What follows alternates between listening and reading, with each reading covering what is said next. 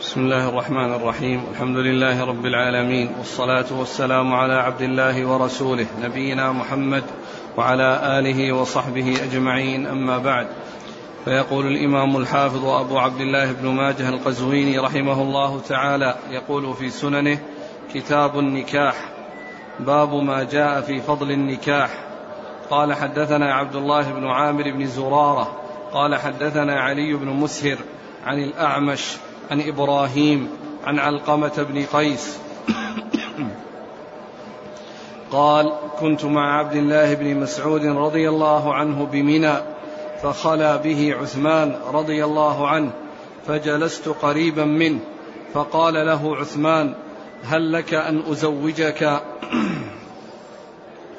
هل لك أن أزوجك جارية بكرا تذكرك من نفسك بعض ما قد مضى؟ فلما رأى عبد الله أنه ليس له حاجة سوى هذا أشار إلي بيده فجئت وهو يقول لئن قلت ذاك لقد قال رسول الله صلى الله عليه وسلم يا معشر الشباب من استطاع منكم الباءة فليتزوج فإنه أغض للبصر وأحصن للفرج ومن لم يستطع فعليه بالصوم فإنه له وجاء.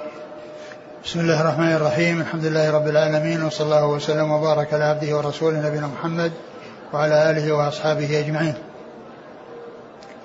أما بعد فهذا هو كتاب النكاح عند ابن ماجه رحمه الله. وقد سبق أن ذكر قبله الكتب المتعلقة بالعبادات الطهارة ثم الصلاة ثم بعد ذلك قدم الصيام ثم أتى بالصدقة. وأما الحج فإنه أخره يعني بعد كتب بعد هذا الكتاب الذي نبدأ به وهو كتاب النكاح وكتب أخرى سيأتي بعد عدة كتب. وهذا ترتيب غريب يعني ما كان عليه العلماء لأنهم كانوا يرتبون على حسب ترتيب أركان الإسلام التي جاءت في حديث جبريل ويقدمون الطهارة لأن الطهارة هي مفتاح الصلاة ولا, ولا, ولا يكون هناك صلاة إلا بطهارة. فلهذا يأتون بكتاب الطهارة ثم يأتون بكتاب الصلاة الذي هو أحد أركان الإسلام بل أعظم أركان الإسلام بعد الشهادتين. ثم يذكرون بعد ذلك الزكاة ثم بعد ذلك الصيام ثم بعد ذلك الحج. وذلك أن الصلاة تأتي في اليوم والليلة خمس مرات. والزكاة نفعها متعدي ويكون في السنة. لمن ملك نصابا وحال عليه الحول. والصيام لأنه يأتي شهرا في السنة. والحج يأتي به في الآخر لأنه مرة في العمر. يجب مرة في العمر. فالغالب أنهم يرتبون هذا الترتيب. في كتب الفقه وفي كتب الحديث. وأما البخاري رحمه الله فإنه صدر كتاب الإيمان بحديث ابن عمر وكان فيه تقديم تقديم الحج على الصيام. حيث قال بني الإسلام على خمسة لا إله إلا الله وأن محمد رسول الله وإقام الصلاة وإيتاء الزكاة وحج البيت وصوم رمضان. فالبخاري قدم الحج على الصيام لأنه صدر كتاب الإيمان بحديث جبريل وبعد ذلك وكان فيه تقديم الحج على الصيام فقدم في التبويب وفي الكتب الحج على الصيام. أما ابن ماجه فكان ترتيبه عجيبا وغريبا. ذلك لأنه قدم الصيام على الزكاة. قدم الصيام على الزكاة ثم أتى بالزكاة آه ثم بعد بعد كتب كثيرة أتى بالحج. بعد كتب عديدة يعني الظاهر أنه الكتاب الثاني والعشرون.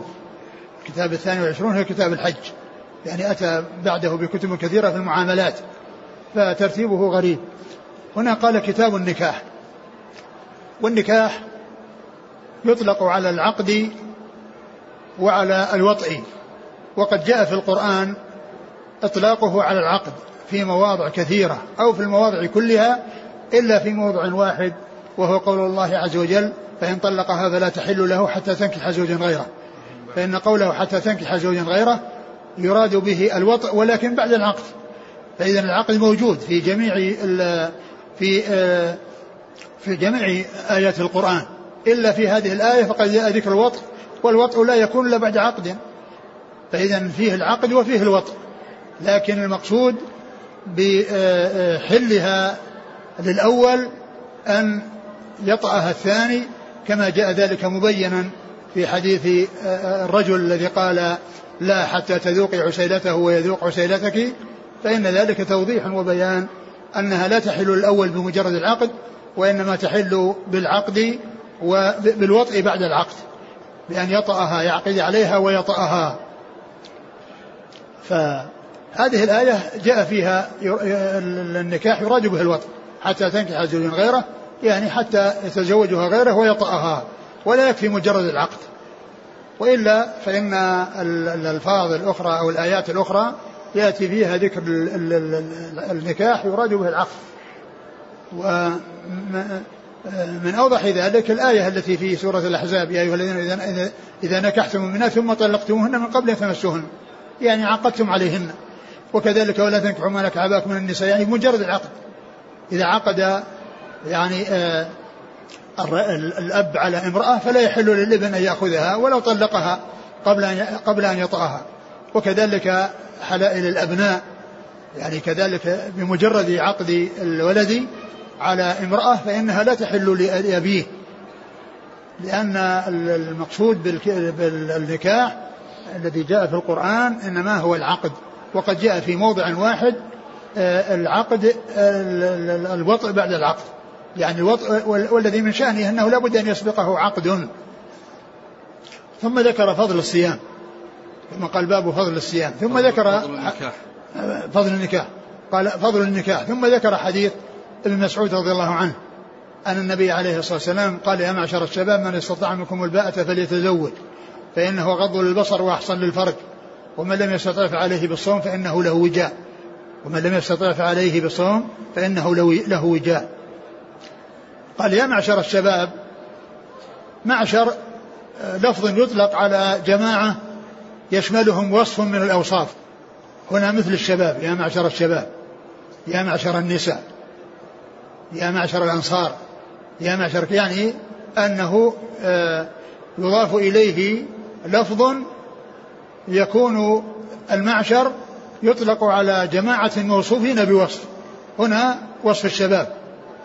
وصف النساء يا معشر النساء. يا معشر الأنصار. يعني مع الأنصار يعني يجمعهم وصف النصرة وكونهم أنصار والنساء يعني يجمعهن وصف كونهن نساء والشباب يجمعهم وصف كونهم شباب لأن الحديث الذي معنا هو يتعلق بالشباب والمعشر يعني يطلق على جماعة يشملهم وصف من الأوصاف وهنا المشعر أطلق على جماعة وصف اشتركوا أو يجمعهم وصف الشباب. من استطاع منكم الباءة فليتزوج. المقصود بالباءة يعني فسرت بالجماع وفسرت بالمؤونة التي تؤدي إلى الجماع. وهنا المقصود من ذلك المؤونة التي تؤدي إليه. المؤونة التي تؤدي إليه وهو المهر الشيء الذي يعني يلزم للزواج. فإن هذا هو الذي يستطاع. من استطاع منكم الباءة فليتزوج. من كان قادرا على الزواج فليتزوج. من كان قادرا على الزواج يعني بملكه أو حصوله على الأسباب التي تؤدي إليه وهي المهر وما يعني يلزم للزواج فإن عليه أن يتزوج. من استطاع منكم الباءة فليتزوج. فإنه أي الزواج أحسن للفرج. يعني كون الإنسان يحسن فرجه ويعف فرجه فلا يتطلع إلى حرام ولا تتعلق نفسه بالحرام لأنه عنده الحلال الذي يغنيه إذا تزوج. عنده الحلال الذي يغنيه. فإنه أحسن للفرج وأغض للبصر. كل إنسان لا ينظر إلى ما حرم الله والنظر كما هو معلوم هو من أسباب الوقوع في الفاحشة. من أسباب الوقوع في الفاحشة لأن هذا النظر وسيلة والفاحشة غاية. هنا قال أحسن للفرج يعني كونه يبتعد أن يقع في المحرمات وكذلك أن يقع في الأسباب التي تؤدي إلى الأمر المحرم وإلى الفاحشة الكبيرة وهي النظر. فإنه أحسن للفرج وأغض للبصر. ثم إنه لما كان الناس آه، منهم من يستطيع لما كان الشباب منهم من يستطيع ومنهم من لا يستطيع فالمستطيع الخطاب له بأن يتزوج والحكمة هي ما ذكرها الرسول صلى الله عليه وسلم لكونه أحسن لفرجه وعفو. أحسن لفرجه وأغض لبصره والقسم الثاني الذي لا يستطيع الذي لا يستطيع ما عنده القدرة ولكن عنده الرغبة والشهوة الشديدة والحاجة للجماع والزواج ولكنه ما عنده الوسائل التي تؤدي إليه. فهذا العلاج له أنه يصوم. يعني يكثر من الصيام لأن الصيام يضعف القوة التي آه، تكون يعني في الإنسان أو في الشاب في تطلعه إلى النساء وحاجته إلى النساء يضعف الصيام قوته. بخلاف الأكل فإن الأكل والتمتع في الملذات هو الذي يقوي صحته ويجعله يعني يتطلع إلى أمر آخر من الأمور التي تشتهيها النفوس فقد يقع ذلك في يقع في المحرم فأرشد إلى أنه يصوم حتى تحصل يعني بسبب الصيام الضعف ضعف الشهوة. حتى يحصل ضعف الشهوة في الإنسان فلا يتطلع إلى إلى إلى أمر حرام أو لا يكون ذلك سببا في وصوله إلى أمر حرام. قال فعليه بالصوم. ثم قال فإنه له وجاء يعني معناه مثل الخصاء. والخصى هو أن يعمل في خصيتيه شيء يجعله لا يشتهي النساء ولا تكون في شهوة, شهوة النساء. إما ب يعني إخراج الخصيتين وسلهما أو بعمل شيء فيهما يجعل صاحبهما لا يشتهي النساء.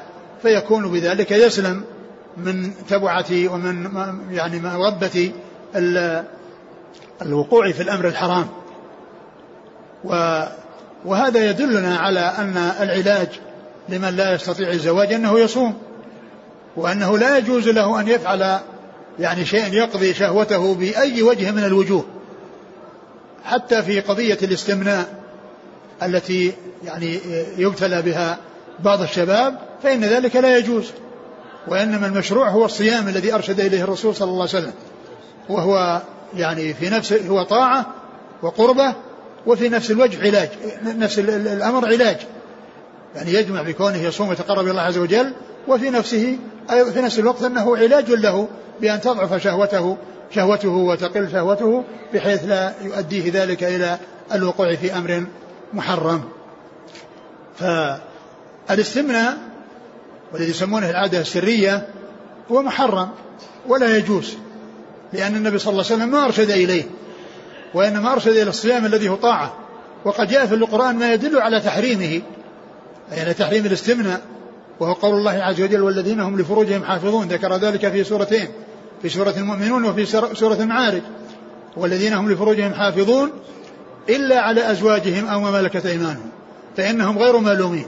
فمن ابتغى, فمن ابتغى وراء ذلك فأولئك هم العادون فإن قوله لفروجهم حافظون يعني يحفظونها من أن تقع في أمر محرم.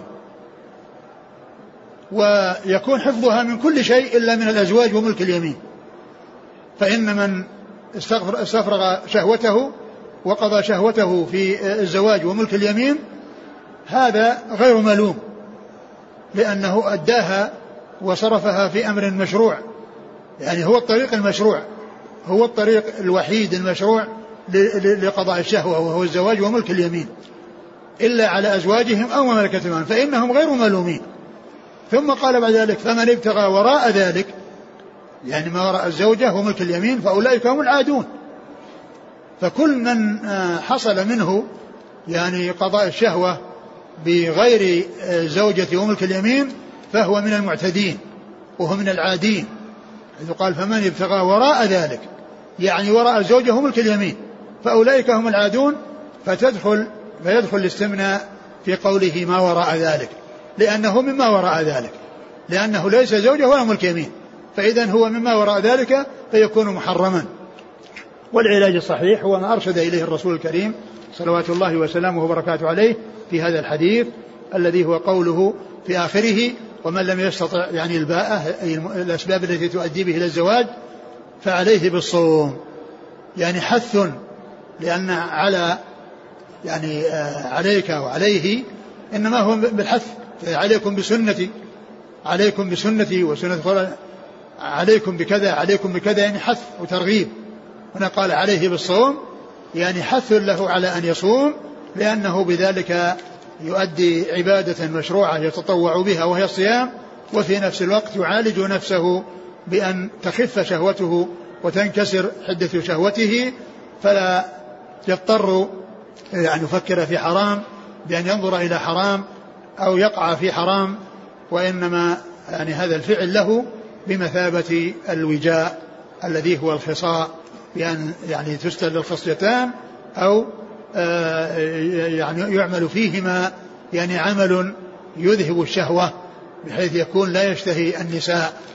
فهذا هو الوصية من رسول الله عليه الصلاة والسلام للشباب وهو أن من كان مستطيعا يبادر إلى الزواج ومن لم يكن مستطيعا فإنه يصوم. ولا يجوز له أن يفعل شيئا وراء ذلك. اقرأ الحديث من أوله. قال قال علقمة. عن علقمة بن قيس قال كنت مع عبد الله بن مسعود بمنى فخلا به عثمان. عبد علقمة بن قيس هذا من أصحاب مسعود. هذا من أصحاب مسعود. وكان ملازما له يعني علقمة والأسود وعبد الرحمن بن الأسود يعني من الملازمين لابن مسعود رضي الله تعالى عنه.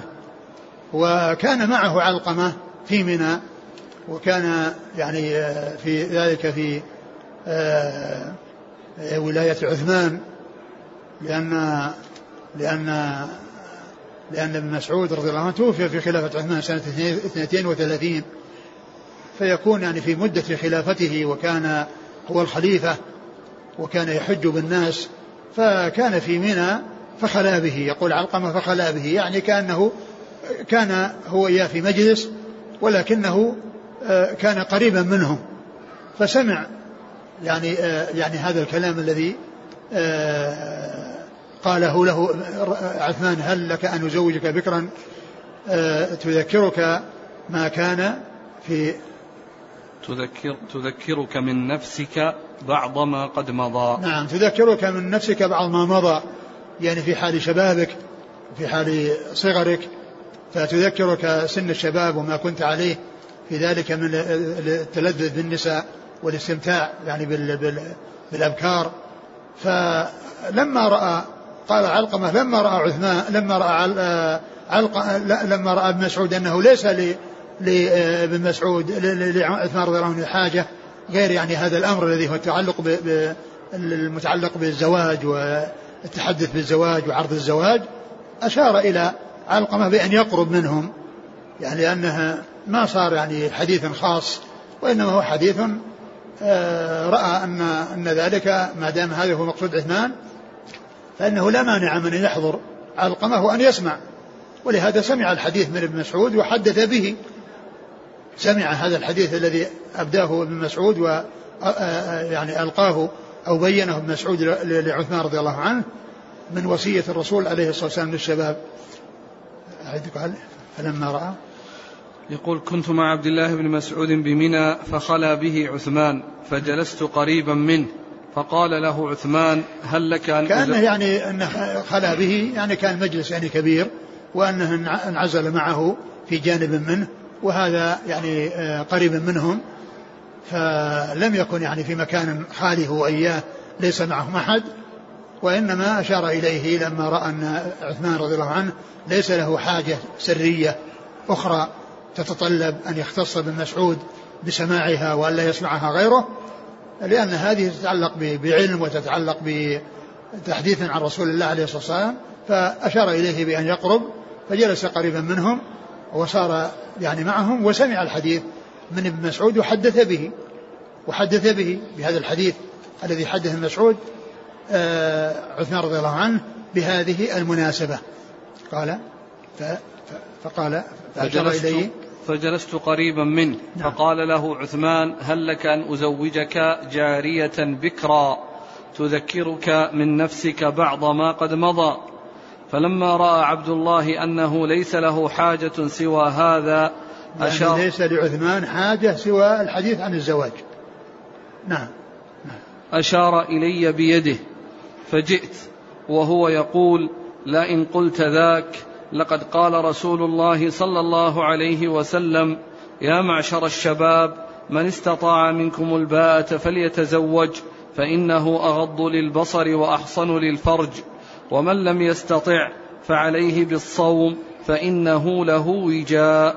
ثم ذكر ابن مسعود رضي الله عنه أنه قال لعثمان لئن قلت ذلك يعني الذي هو عرض الزواج وأن وأن فيه تذكير يعني للإنسان بالشيء الذي يعني عرفه في أول حياته فقد قال رسول الله صلى الله عليه وسلم يعني هذا الكلام من ابن مسعود رضي الله عنه يمكن أن فيه إشارة إلى أن هذا إنما هو في حق الشباب والنبي صلى الله عليه وسلم قد أوصى الشباب بأن يتزوجوا وحث على الزواج. ومعلوم أن الغالب أن الشاب يتزوج شابة وقد يتزوج غير شابة وقد يتزوج غير شابة أو تكون شا يعني شابة ولكنها ليست بكرا بأن تكون يعني مات عنها زوجها وهي صغيرة أو يعني طلقها وهي وهي صغيرة.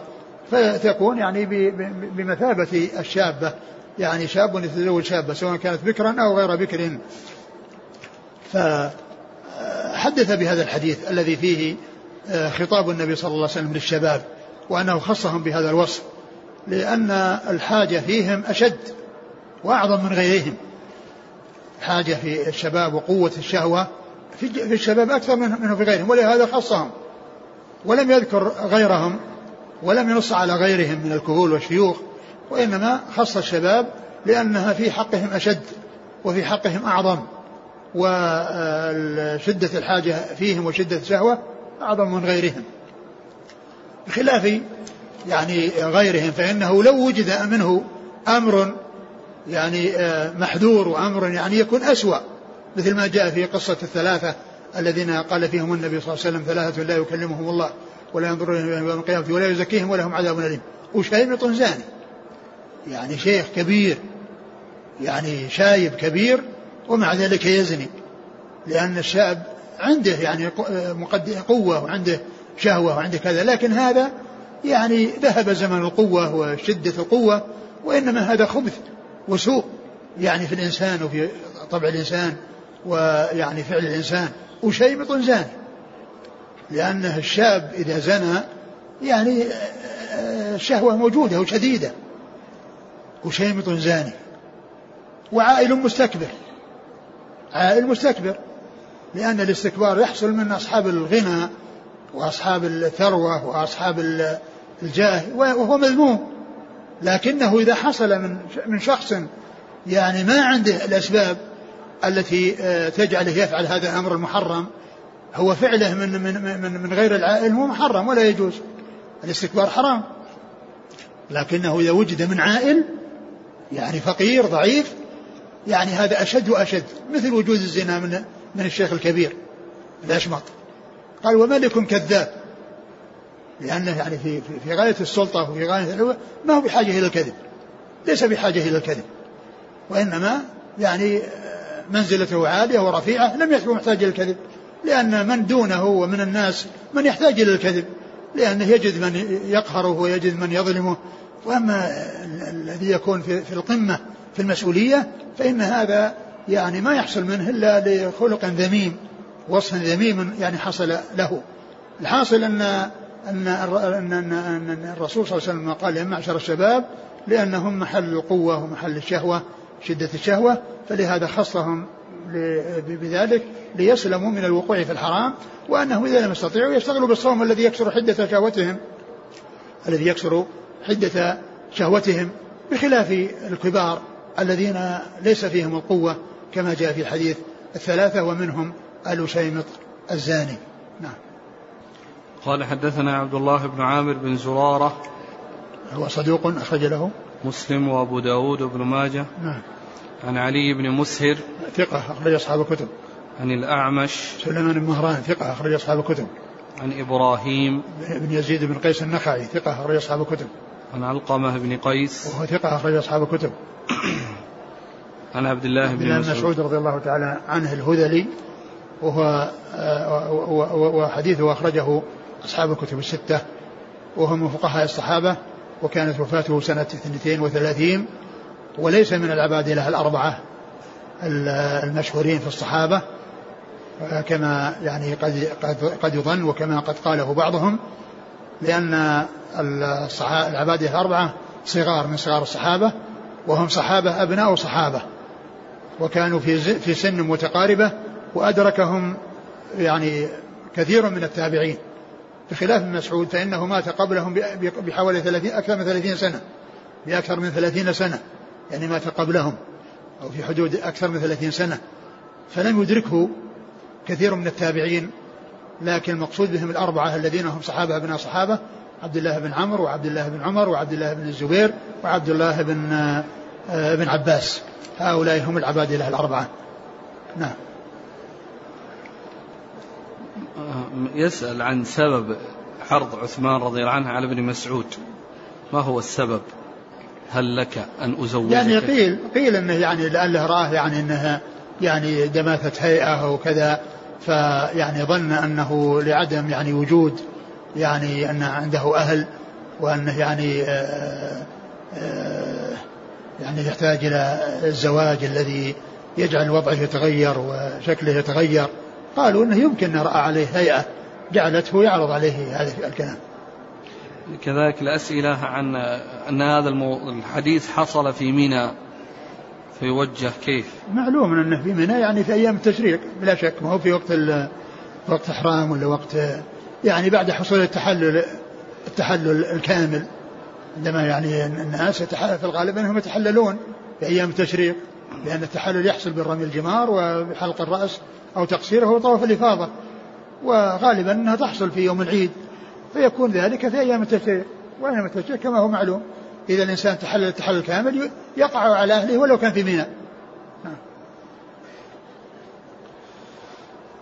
قال حدثنا أحمد بن الأزهر قال حدثنا آدم قال حدثنا عيسى بن ميمون عن القاسم عن عائشة رضي الله عنها أنها قالت قال رسول الله صلى الله عليه وعلى آله وسلم النكاح من سنتي فمن لم يعمل بسنتي فليس مني وتزوجوا فإني مكاثر بكم الأمم ومن كان ذا طول فلينكح ومن لم يجد فعليه بالصيام فإن الصوم له وجاء. أعد الإسناد. قال حدثنا أحمد بن الأزهر قال حدثنا آدم قال حدثنا عيسى بن ميمون عن القاسم عن عائشة رضي الله عنها. ثم ذكر هذا الحديث عن عائشة رضي الله عنها أن النبي صلى الله عليه وسلم قال النكاح من سنتي. النكاح من سنتي. نعم. أه فمن لم يعمل بسنتي فليس مني. فمن لم يعمل بسنتي فليس مني. يعني هذا فيه حث على النكاح وعلى الزواج وفيه ترغيب به. والسنة هنا يراد بها المعنى الأعم. لأن السنة لها أربعة إطلاقات. إطلاق عام وهو كل ما جاء به الرسول صلى الله عليه وسلم من الكتاب والسنة. المراد به الطريقة والمنهج الذي عليه الرسول عليه الصلاة والسلام في كل شيء. هذا هو المراد بالسنة وهو أوسع معانيها. أوسع معانيها لأن المقصود بها كل ما جاء به الرسول عليه الصلاة والسلام من الكتاب والسنة. يدخل تحت قوله من رغب عن سنتي لأن المقصود بسنته وطريقته ومنها النكاح. ومنها النكاح. والمقصود من ذلك يعني كل إنسان يرغب يعني عنها يرغب عن ما جاء به الرسول يرغب عن الزواج.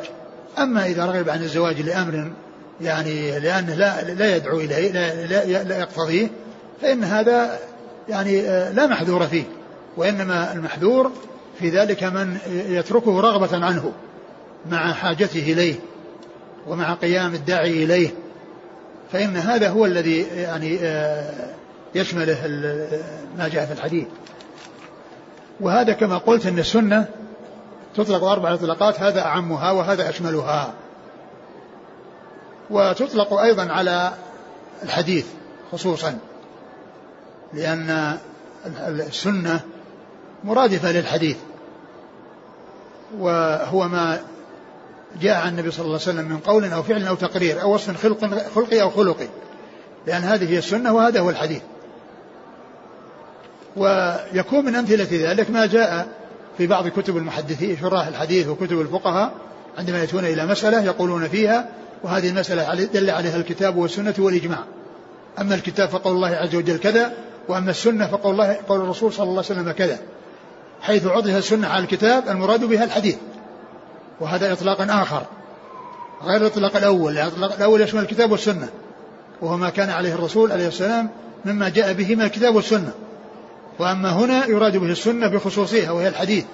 لأن السنة عطفت على الكتاب إذا هي غير الكتاب. وإذا فهو المراد به حديثه صلى الله عليه وسلم. الأمر الثالث في مقابل البدعة. يقول هذا سنة وهذا بدعة. يعني سنة يعني جاء جاءت عن الرسول عليه الصلاة والسلام. بدعة مخالفة لما جاء عن الرسول عليه الصلاة والسلام.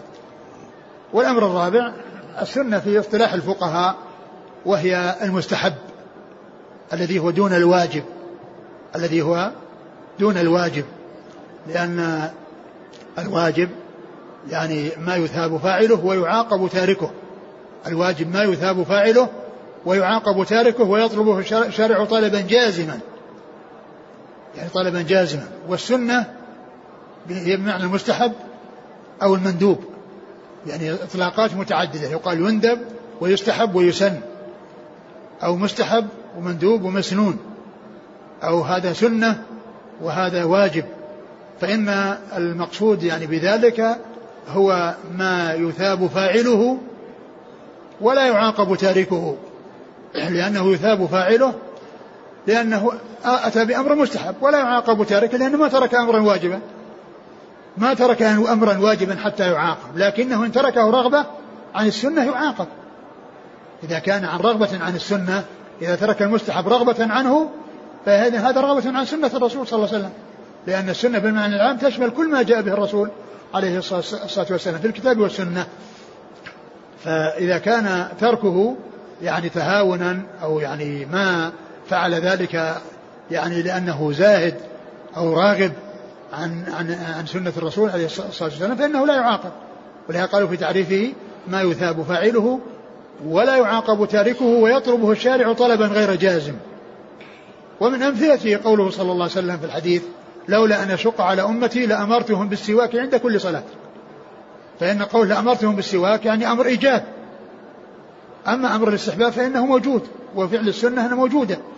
لأن النبي صلى الله عليه وسلم يعني حث على السواك وقال إنه مرضاة للرب مطهرة للفم. مطهرة وجاء من قوله وفعله. عليه الصلاة والسلام. يعني استعمال السواك واستعمال السواك والترغيب في استعمال السواك. لكن قوله لولا أن أشق على أمتي لأمرتهم يعني أمر إيجاب لأن هذا هو الذي ما حصل. لكن كونه دلهم عليه ورغبهم فيه وأنه مستحب هذا جاءت به السنة عن رسول الله عليه الصلاة والسلام من قوله وفعله. فإذا هناك السنة أربعة أنواع إطلاقات إطلاق عام وإطلاق يعني إطلاقات خاصة يعني إما في مقابل الكتاب أو في مقابل البدعة أو أنه في مقابل الواجب والمفروض والذي مقابل الواجبات والأركان. لأن المستحبات يعني تقابل الأركان والواجبات لأن تلك لازمة والمستحبات ليست لازمة. آه إيش الحديث؟ النكاح من سنتي. نعم. فمن لم يعمل بسنتي فليس مني. نعم. وتزوجوا فإني مكاثر بكم الأمم. وهذا أيضا أمر بالزواج وبيان العلة أو التعليل أيضا من من علله يعني كما أن فيه العلتان التي جاءت في حديث مسعود وكونها غض للبصر وأحفظ للفرج وأحسن للفرج أيضا فيه مكاثرة. لأن الزواج هو سبب الولادة، الولادة تأتي عن طريق الزواج. فتزوجوا ليحصل النسل وتكثر الأمة فإني مكاثر بكم الأمم يوم القيامة. فإني مكاثر بكم الأمم يوم القيامة. فيكون من فوائد الزواج يعني الفوائد يعني فوائد فائدة أخروية وهي كون النبي صلى الله عليه وسلم يكاثر يعني بهم الأمم وكذلك دنيوية تحصل للإنسان المتزوج وهي كونه يسلم من الوقوع في المحرمات أو الوقوع في الفاحشة ومن السبب الذي يؤدي إليها وهو النظر. ومن السبب الذي يؤدي إليها النظر لأنه جاء في الحديث العين تزني وزنها النظر. نعم. ومن كان ذا طول فلينكح. ومن كان ذا طول يعني غنى. الطول هو الغنى. ومن لم يستطع منكم, منكم طولا ينكح المحصنات المؤمنات فمما ملكت أيمانكم.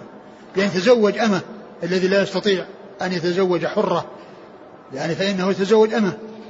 يعني من لم من لم يستطع يعني ليس عند من لا, من لا عنده طول يستطيع أن يتزوج حرة فانه يتزوج امه فهنا قال وما كان ذا طول يعني كان صاحب غنى. ومن كان ذا طول يعني صاحب غنى فليتزوج. ومن كان ومن كان ذا طول فلينكح ومن لم يجد فعليه بالصيام فإن الصوم له وجاء. يعني هذا الحديث في في إسناده من هو متكلم فيه ولكن له شواهد. يعني تدل عليه يعني في أحاديث متعددة تدل على كل ما جاء فيه. وإن كان في إسناده رجل ضعيف أو فيه كلام فإن في آه، فإن له شواهد. والكلام الأخير شاهده حديث مسعود اللي قبل هذا. حديث مسعود الذي المتفق على صحته أخرجه البخاري ومسلم وغيرهم وغيرهما. نعم. قال حدثنا أحمد بن الأزهر هو صدوق رجله النسائي وابن ماجه. نعم. عن آدم. آدم من أبي إياس وهو ثقة أخرج له.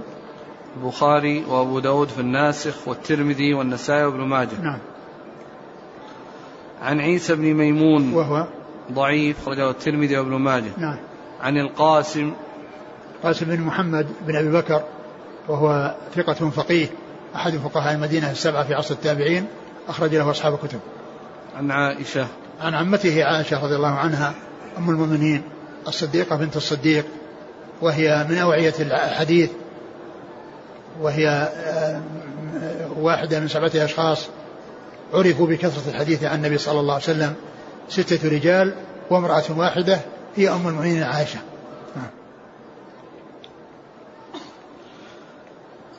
قال حدثنا محمد بن يحيى قال حدثنا سعيد بن سليمان قال حدثنا محمد بن مسلم قال حدثنا إبراهيم بن ميسرة عن طاووس عن ابن عباس رضي الله عنهما أنه قال قال رسول الله صلى الله عليه وسلم لم ير للمتحابين مثل مثل النكاح. ثم ذكر هذا الحديث عن ابن عباس رضي الله عنهما أن النبي صلى الله عليه وسلم قال لم يرى مثل المتحابين مثل النكاح. يعني إذا حصلت المحبة يعني بين آه، رجل وامرأة امرأة تحب رجل والرجل يحبها وفي قلبه مودة لها وفي قلبها مودة له فلم يرى يعني لذلك مثل النكاح لأن كل يحب الآخر من قبل فيكون الزواج يزيد في المحبة يعني يزيد في المحبة.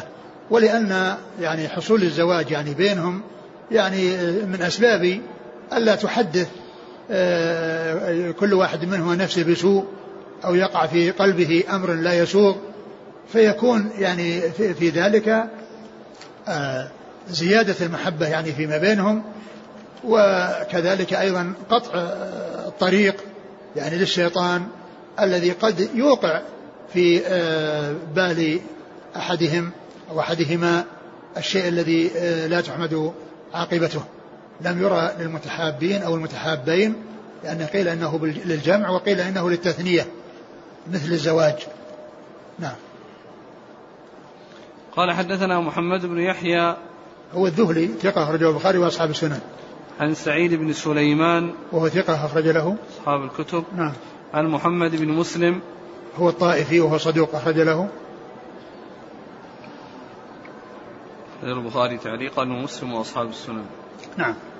عن إبراهيم بن ميسرة إبراهيم ميسرة الطائفي أيضا وهو ثقة أخرج له أصحاب الكتب. نعم. عن طاووس طاووس بن كيسان ثقة أخرج أصحاب الكتب. عن ابن عباس ابن عباس عبد الله بن عباس رضي الله عنهما وهو أحد العباد الاربعه من الصحابة وأحد السبعة المكثرين من حديث النبي صلى الله عليه وسلم. متى يكون الزواج واجبا؟ يكون الزواج واجبا إذا كان الإنسان عنده يعني قوة شهوة يعني ويعني لا يعني يتخلص من تبعاتها إلا بالزواج ووجد القدرة على ذلك فإنه يجب. وإذا لم يجد فإنه يصوم. نعم. يقول آه، إذا لم أكن مستطيعا لمؤنة النكاح وأستطيع الاستدانة وأن أرد هذا الدين فيما بعد فهل يجوز لي ذلك؟ إذا كان يستطيع أن يوفي في المستقبل له ذلك. قال رحمه الله تعالى باب النهي عن التبتل. قال حدثنا أبو مروان محمد بن عثمان العثماني قال حدثنا إبراهيم بن سعد عن الزهري عن سعيد بن المسيب عن سعد رضي الله عنه أنه قال لقد رد رسول الله صلى الله عليه وسلم على عثمان بن مضعون رضي الله عنه التبتل ولو أذن له لاختصينا. ثم ذكر آه، النهي عن التبتل. نعم. ثم ذكر النهي عن التبتل. والتبتل هو ترك الزواج والانقطاع للعبادة. كون الإنسان يعني لا يتزوج ويقبل على العبادة لأن الزواج يعني يشغله عنها. هذا ليس من هدي الرسول صلى الله عليه وسلم. والجماعة الثلاثة الصحابة الثلاثة الذين تقلوا أعمال أعمالهم تقالوا أعمالهم وقالوا الرسول صلى الله عليه وسلم آه يعني آه, آه، غفر له ما تقدم من ذنبه وما تأخر. ويعني فرأوا أنهم ينقطعون للعبادة. فقال أحدهم أنا أصوم أنا أصوم فلا أفطر. الثاني قال أنا أقوم فلا أقوم الليل فلا أنام.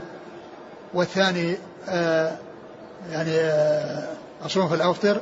والثاني وقال الثاني الآخر أنا لا لا أتزوج النساء. لا أتزوج النساء. فالرسول عليه الصلاة والسلام علم عنهم ودعاهم وقال لهم أما إني أزكاكم لله وأتقاكم له وأما إني أصوم أصوم وأفطر أصوم وأفطر وأصلي وأنام وأتزوج النساء. فمن رغب عن سنتي فليس مني. فمن رغب عن سنتي فليس مني. فالرسول عليه الصلاة والسلام أنكر على هؤلاء الذين هموا بهذا للانقطاع العبادة والحديث الذي معنا عن سعد بن أبي وقاص رضي الله عنه أن أنه قال رد رسول الله صلى الله عليه وسلم التبتل على عثمان بن مضعون ولو أذن له لاختصينا. يعني لو أذن له يعني في أن الناس ينقطعون العبادة ويتركون الزواج لاختصينا يعني عملنا العمل الذي يجعلنا لا نشتهي النكاح. يعني مثل ما مر في الحديث أنه له وجاء يعني يفقده الشهوة ولا يكون معه شهوة فيعني اختصينا يعني آه، حصل منهم الشيء الذي تفقد فيه الشهوة إما بسل الخصيتين أو بعمل شيء آه، يزيل آه، الشهوة من الإنسان فيكون بلا شهوة. فالرسول عليه الصلاة والسلام رد على عثمان بن عفان التبتل يعني كونه ينقطع العبادة ولا يتزوج وقال سعد رضي الله عنه لو أذن له وأن ذلك سائر لا وذلك لحرصهم على العبادة وقيامهم بالعبادة وانشغالهم بطاعة الله ورسوله عليه الصلاة والسلام بإكثار من العبادات. قال لو أذن له لعملنا ذلك الذي أذن له فيه هو وهو التبتل وترك الزواج وأننا نعمل الشيء الذي يجعلنا لا نشتهي النساء. فهذا يدل على أن الإنسان لا يعني يترك الزواج من أجل أنه ينقطع للعبادة. وأن الزواج يعني فيه مصالح كثيرة يعني فيه العلتان أو الحكمتان التي جاءت في حديث مسعود وفيه الحكمة التي جاءت في الحديث الآخر التي هي مكاثرة النبي صلى الله عليه وسلم بالناس الأمم آه، يوم القيامة. نعم. لقد رد رسول الله صلى الله عليه وسلم على عثمان بن مضعون التبتل. ولو أذن له لاختصينا. لو أذن له بالتبتل يعني وأنه ينقطع العبادة ويترك الزواج لاختصينا. حتى لا نحتاج إلى الزواج أو حتى لا ننشغل بالزواج أو نفكر بالزواج. نعم. جاءت أسئلة حول معنى يعني أنه بعضهم يحتج بطلب العلم.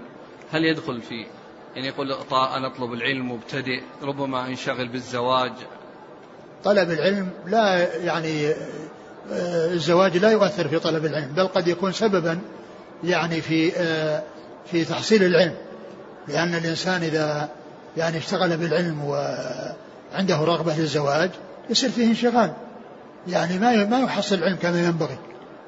لأنه عنده تطلع وعنده تفكير في الزواج لقوة الشهوة. ولكنه إذا تزوج قضى حاجته وتمكن من كونه يطلب العلم بطمأنينة. لأن الإنسان يعني لو اشتغل بالعلم وعنده القوة والشهوة ما يكون عنده طمأنينة في طلب العلم مشغول في, في, في, في التفكير في الزواج وقد يقع في أمر محرم. قال حدثنا أبو مروان محمد بن عثمان العثماني. هو؟ صدوق يخطئ أخرجه النسائي في خصائص علي وابن ماجه. نعم. عن إبراهيم بن سعد وهو ثقة أخرج أصحاب الكتب. عن الزهري محمد بن مسلم بن عبد الله بن شهاب ثقة أخرج أصحاب الكتب. عن سعيد بن المسيب وهو ثقة فقيه أحد فقهاء المدينة السبعة في عصر التابعين أخرج أصحاب الكتب. عن سعد عن سعد بن أبي وقاص رضي الله عنه وهو أحد العشرة المبشرين بالجنة وحديثه أخرجه أصحاب الكتب الستة. ويعني سبق أن قلت مرارا أن العشرة المبشرين بالجنة كلهم أخرج لهم أصحاب الكتب الستة.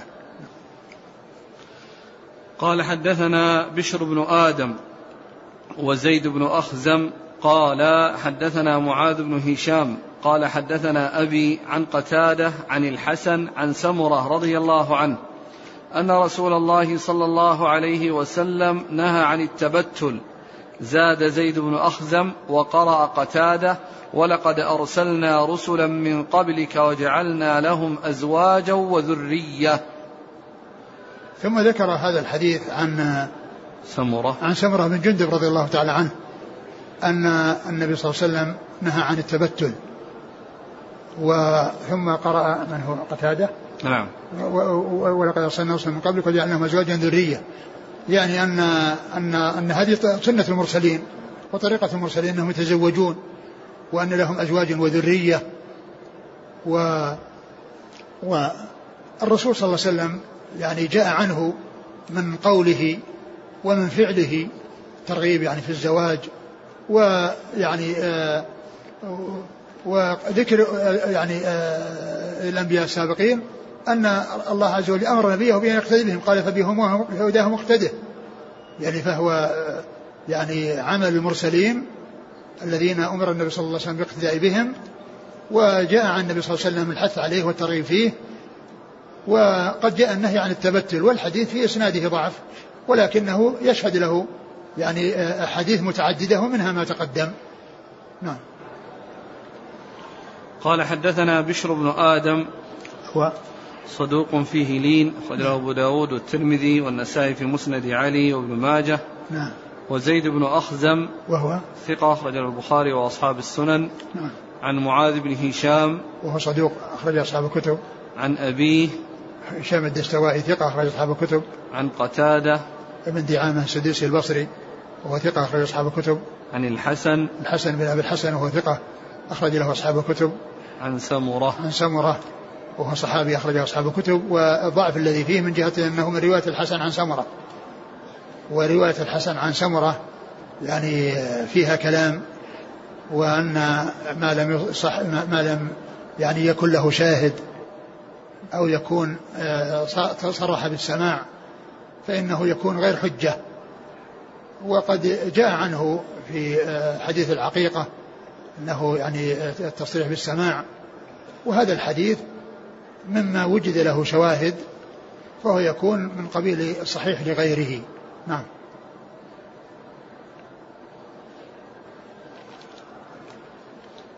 هنا فائدة من كلام الحافظ بن حجر على حديث سعد بن أبي وقاص. يقول الحافظ رحمه الله عند ولو أذن له لاختصينا قال لإرادة المبالغة أي لبالغنا في التبتل ولم ولم يرد به حقيقة الاختصاء لأنه حرام. وقيل بل هو على ظاهره. وكان ذلك قبل النهي عن الاختصاء ويؤيده توارد, توارد استئذان جماعة من الصحابة النبي صلى الله عليه وسلم في ذلك كأبي هريرة وعبد الله بن مسعود وغيرهما. وحديث أن عبد الله قال كنا نغزو مع رسول الله صلى الله عليه وسلم وليس لنا شيء. فقلنا ألا نستخصي؟ فنهانا عن ذلك. قال الحافظ نهي تحريم بلا خلاف في بني آدم. وفيه أيضا من المفاسد تعذيب النفس والتشويه مع إدخال الضرر الذي قد يفضي إلى الهلاك. وفيه إبطال معنى الرجولية وتغيير خلق الله وكفر النعمة لأن خلق الشخص رجلا من النعم العظيمة فإذا أزال ذلك فقد تشبه بالمرأة واختار النقص على الكمال. قال القرطبي الخصاء في غير بني آدم ممنوع في الحيوان إلا لمنفعة حاصلة في ذلك كتطييب اللحم. أو قطع ضرر عنه. قال النووي يحرم خصاء الحيوان غير المأكول مطلقا وأما المأكول فيجوز في صغيره دون كبيره. وما أظنه يدفع ما ذكره القرطبي من إباحة ذلك في الحيوان الكبير عند إزالة الضرر. هذا كلام جميل هذا. وهو لا شك أن يعني أن المقصود به المبالغة. يعني لو أذن له يعني لاختصينا يعني المقصود المبالغة يعني في ذلك. يعني من شدة يعني تبتلهم ويعني آه، إقدامهم على العبادة. نعم. قال رحمه الله تعالى باب باب حق المرأة على الزوج. قال حدثنا أبو بكر بن أبي شيبة قال حدثنا يزيد بن هارون عن شعبة عن أبي قزعة عن حكيم بن معاوية عن أبيه رضي الله عنه أن رجلا سأل النبي صلى الله عليه وسلم ما حق المرأة على الزوج؟ قال أن يطعمها إذا طعم وأن يكسوها إذا اكتسى ولا يضرب الوجه ولا يقبح ولا يهجر إلا في البيت. ثم ذكر يعني باب حق الزوجة على زوجها ثم ذكر حديث حكي معاوية بن حكيم. معاوية بن حيدة رضي الله تعالى عنه أن النبي صلى الله عليه وسلم أن رجلا سأل النبي ما حق المرأة على الزوج؟ يعني أصحاب رسول الله عليه الصلاة والسلام رضي الله عنهم وأرضاهم كانوا حريصين على معرفة الأحكام الشرعية ليعملوا بها وليعرف كل ما يجب عليه. فكانوا يسألون النبي صلى الله عليه وسلم الأسئلة التي بها يعرفون ما لهم وما عليهم. وسؤال, وسؤال هذا الرجل قال يعني حق عن حق المرأة على الزوج. يعني حتى يقوم بأداء الشيء المطلوب منه. وهذا يدل على فضلهم ونبلهم وحرصهم على معرفة الحق للعمل به ولإبلاغه للناس وإيصاله إلى الناس لأنهم هم الواسطة بين الناس وبين رسول الله صلى الله عليه وسلم. فكان الرسول عليه الصلاة والسلام يجيبهم أو يحدثهم ابتداء وكان وكانوا يسألون ويجيبهم على الأسئلة وسؤالهم أو أسئلتهم إياه دال على حرصهم على تحصيل العلم النافع للعمل به وإبلاغه. وكون الإنسان يعرف ما يجب عليه حتى يقوم به وحتى يبلغه يبلغه غيره. فكان سأله عن حق المرأة على الرجل فقال أن تطعمها إذا إذا طعمت وتكسوها إذا اكتسيت. يعني معناه أنه كما أنه يكسو نفسه ويطعم نفسه فإنه يعمل ذلك مع زوجته. لكن لا يعني ذلك أن أنه يكون معها إذا اكتسى يكسوها في الوقت في, في نفس الوقت بحيث يعني لبسه يعني إعطاها في الوقت الذي يعطي نفسه أو الذي يلبس نفسه وإنما المقصود أنه يكسوها يعني ويقوم بالواجب لها. يعني سواء في زمن لبسه هو أو في غير زمن لبسه أو في غير ليس المقصود من ذلك التقييد بالوقت وأنه في حال اكتسائه أو في الزمن الذي يكسو نفسه فيه أو الطعام الذي يطعم فيه أنه آه، يفعل وإنما يكسوها في الوقت الذي هي آه، تحتاج فيه إلى الكسوة. ولا يلزم أن يكون هناك تلازم بينها وبينه بحيث أن تكون كسوتها في وقت كسوته وأنه لا يعطيها إلا في الوقت الذي يكسو نفسه وإنما كما أنه يكسو نفسه يكسوها وكما أنه يطعم نفسه يطعمها. نعم إيش بعده؟ أن يطعمها إذا طعم وأن يكسوها إذا اكتسى ولا يضرب الوجه. يعني ولا يضرب الوجه إذا كان هناك بحاجة إلى الضرب أو هناك أمر يقتضي الضرب. لأن الضرب جاء في القرآن يعني مطلقا في في في المرأة. أنه يعني أنه يهجرها ويعظها ثم يهجرها ثم يعني يضربها. فقال ولا يضرب الوجه يعني عند الحاجة إلى الضرب. يعني عندما يضربها والضرب المأذول له فيه وهو الضرب الغير المبرح وعند أمر يقتضيه فإنه لا يضرب الوجه يجتنب الوجه. لأن الوجه يعني هو اللي فيه الجمال وفيه ضربه يعني التأثير يعني في يعني في الصورة. والخلقة فيكون يعني ذلك يكون بارزا وكذلك أيضا لأن فيه المنافذ يعني التي هي فيها الأنف والعينان والفم يعني ففيه يعني يعني أكثر المنافذ اللي في الإنسان في الوجه فيكون ضربه الوجه يعني يؤدي إلى يعني فقد هذه هذه الحواس أو الإخلال فيها وإضعافها وحصول الضرر بها. ففيه عدة وجوه أو لضرر الوجه ولهذا جاء أنه لا يقدم الإنسان على ذلك عند الحاجة إلى الضرب. وإذا ضرب يضرب ضربا غير مبرح ويكون في غير الوجه. ولا ولا يضرب. ولا ولا يضرب الوجه ولا يقبح. ولا يقبح يعني يعني بالكلام القبيح. بأن يقول قبحك الله وقبح الله وجهك أو ما إلى ذلك. وإنما يعني يأتي بالكلام الطيب وبالكلام اللين يعني فلا فلا يحصل منه يعني عند الوعظ وعند الكلام معها أنه يأتي بشيء لا ينبغي من التقبيح وكذلك عند الضرب لا يضرب وجهها فيلحق بيلحقها بذلك مضرة يعني في صورتها أو في فقد شيء من حواسها التي هي في الوجه. ولا يهجر إلا في البيت.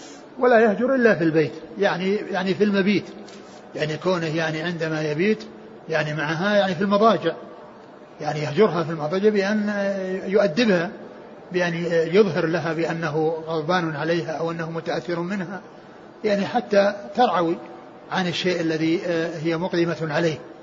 ولا يكون ذلك في في البيت في خارج البيت ولا يكون أيضا يعني عند عند أهل البيت بحيث يعلم وإنما يكون ذلك بينه وبينها.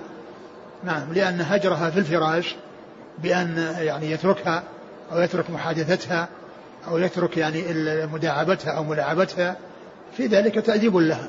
نعم. قال حدثنا أبو بكر بن أبي شيبة. نعم أبو بكر بن أبي شيبة هو ثقة أخرج أصحاب الكتب إلى الترمذي. عن يزيد بن هارون. الواسطي ثقة أخرج أصحاب الكتب. عن شعبة. شعبة بن الحجاج الواسطي ثقة أخرج أصحاب الكتب. عن أبي قزعة وهو سويد بن حجير ثقة أخرج له مسلم وأصحاب السنن. نعم. عن حكيم بن معاوية وهو صدوق البخاري تعليقا وأصحاب السنن. نعم. عن أبيه رضي الله عنه وقد أخرج له البخاري تعليقا وأصحاب السنن. نعم. قال حدثنا أبو بكر بن أبي شيبة قال حدثنا الحسين بن علي عن زائدة عن شبيب بن غرقدة البارقي عن سليمان بن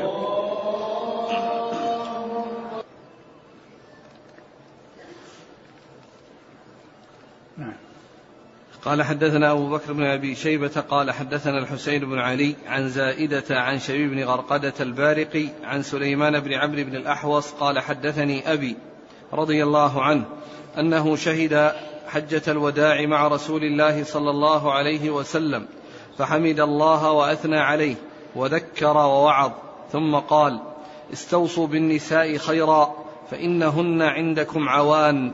ليس تملكون منهن شيئا غير ذلك إلا أن يأتين بفاحشة مبينة.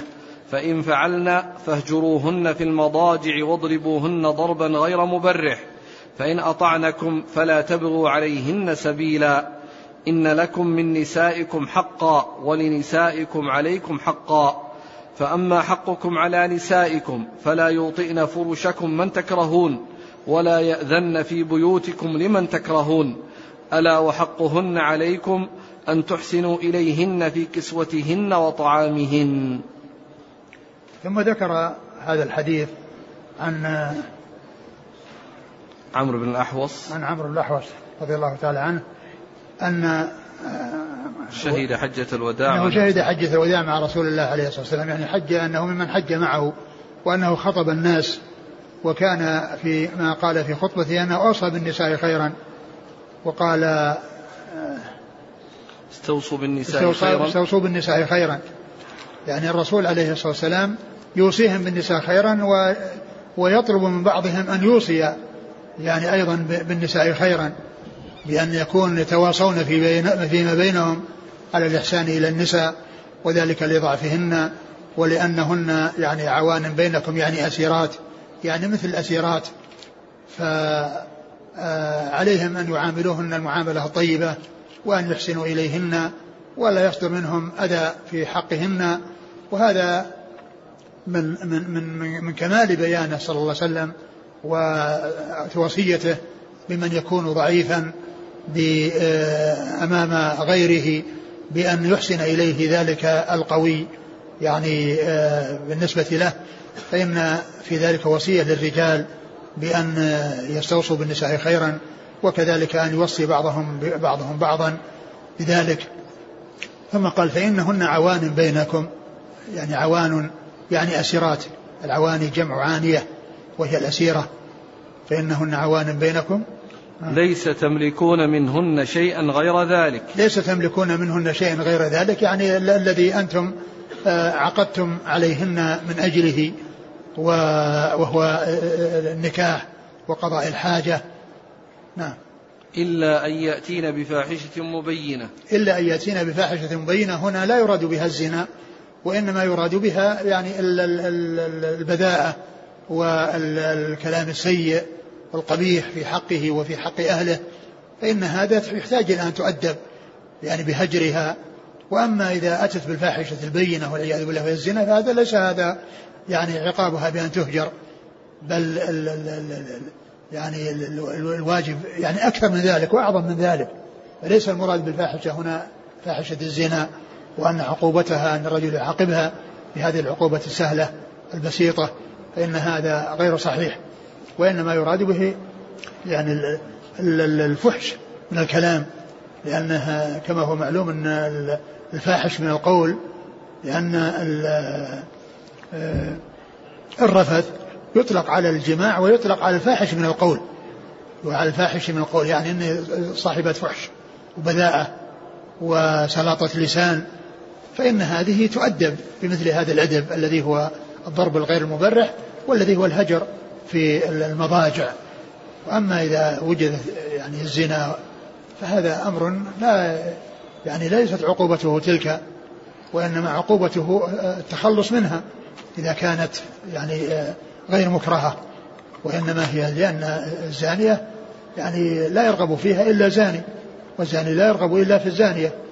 فلا تبقى المرأة في عصمته وهي تتصف بهذه بهذه الفاحشة. القبيحة التي هي الزنا. نعم.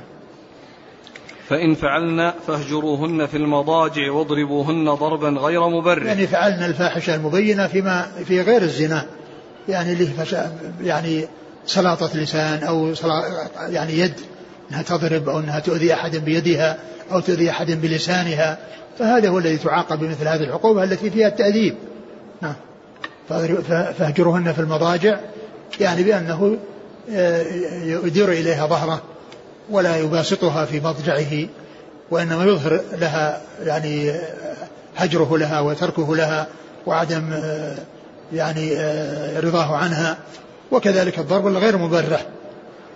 كذلك يعني هذا يبين ما جاء في القرآن واضربوهن أي الضرب الغير مبرح الذي لا يؤثر يعني على المرأة في جسدها. نعم. فإن أطعنكم فلا تبغوا عليهن سبيلا. فإن أطعنكم فلا تبغوا عليهن سبيلا يعني لا تفعلوا فعل يعني آآ آآ آآ تعاقبوهن بشيء آه، لا يستحقن آه، لم يوجد عندهن ما يستحقن العقوبة فيه. نعم. إن لكم من نسائكم حقا ولنسائكم عليكم حقا. فأما حقكم على نسائكم فلا يوطئن فرشك فرشكم من تكرهون. فأما حقكم على نسائكم فلا يوطئن فرشكم من تكرهون. يعني لا لا يدخلن في البيوت ويجلسن يعني على في المجالس. يعني من من من يكره الإنسان سواء كان قريبا أو بعيدا سواء كان قريبا أو بعيدا. وكذلك أيضا يعني حصول المحادثة.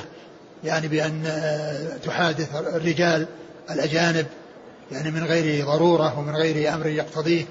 نعم. ولا يأذن في بيوتكم لمن تكرهون. ولا يأذن في الدخول يعني في البيوت لمن لمن تكرهون. نعم. ألا وحقهن عليكم أن تحسنوا إليهن في كسوتهن وطعامهن. وهذا هو الذي مر في الحديث الذي آه، أجاب به النبي صلى الله عليه وسلم الرجل الذي سأله عن حق الزوجة عليه وأنه يكسوها إذا اكتسى ويطعمها إذا طعم. الإسناد؟ قال حدثنا أبو بكر بن أبي شيبة عن الحسين بن علي هو ثقة أخرج أصحاب الكتب. عن زائدة وهو ثقة أخرج أصحاب الكتب. عن الشبيب بن غرقدة وهو؟ ثقة أخرج أصحاب الكتب. نعم وقد جاء في بعض النسخ بحذف الباء الأولى. يعني فهو شبيب وليس شيب. نعم. عن سليمان بن عمرو بن الأحوص وسليمان هو؟ مقبول أخرجه أصحاب السنن. نعم. عن أبيه عن أبيه أخرج له. أصحاب السنن. والله تعالى أعلم وصلى الله وسلم وبارك على نبينا ورسول محمد وعلى آله وأصحابه أجمعين. جزاكم الله خيرا وبارك الله فيكم. ألهمكم الله الصواب ووفقكم للحق ونفعنا الله بما سمعنا وغفر الله لنا ولكم وللمسلمين أجمعين. سبحانك اللهم وبحمدك أشهد أن لا إله إلا أنت أستغفرك وأتوب إليك.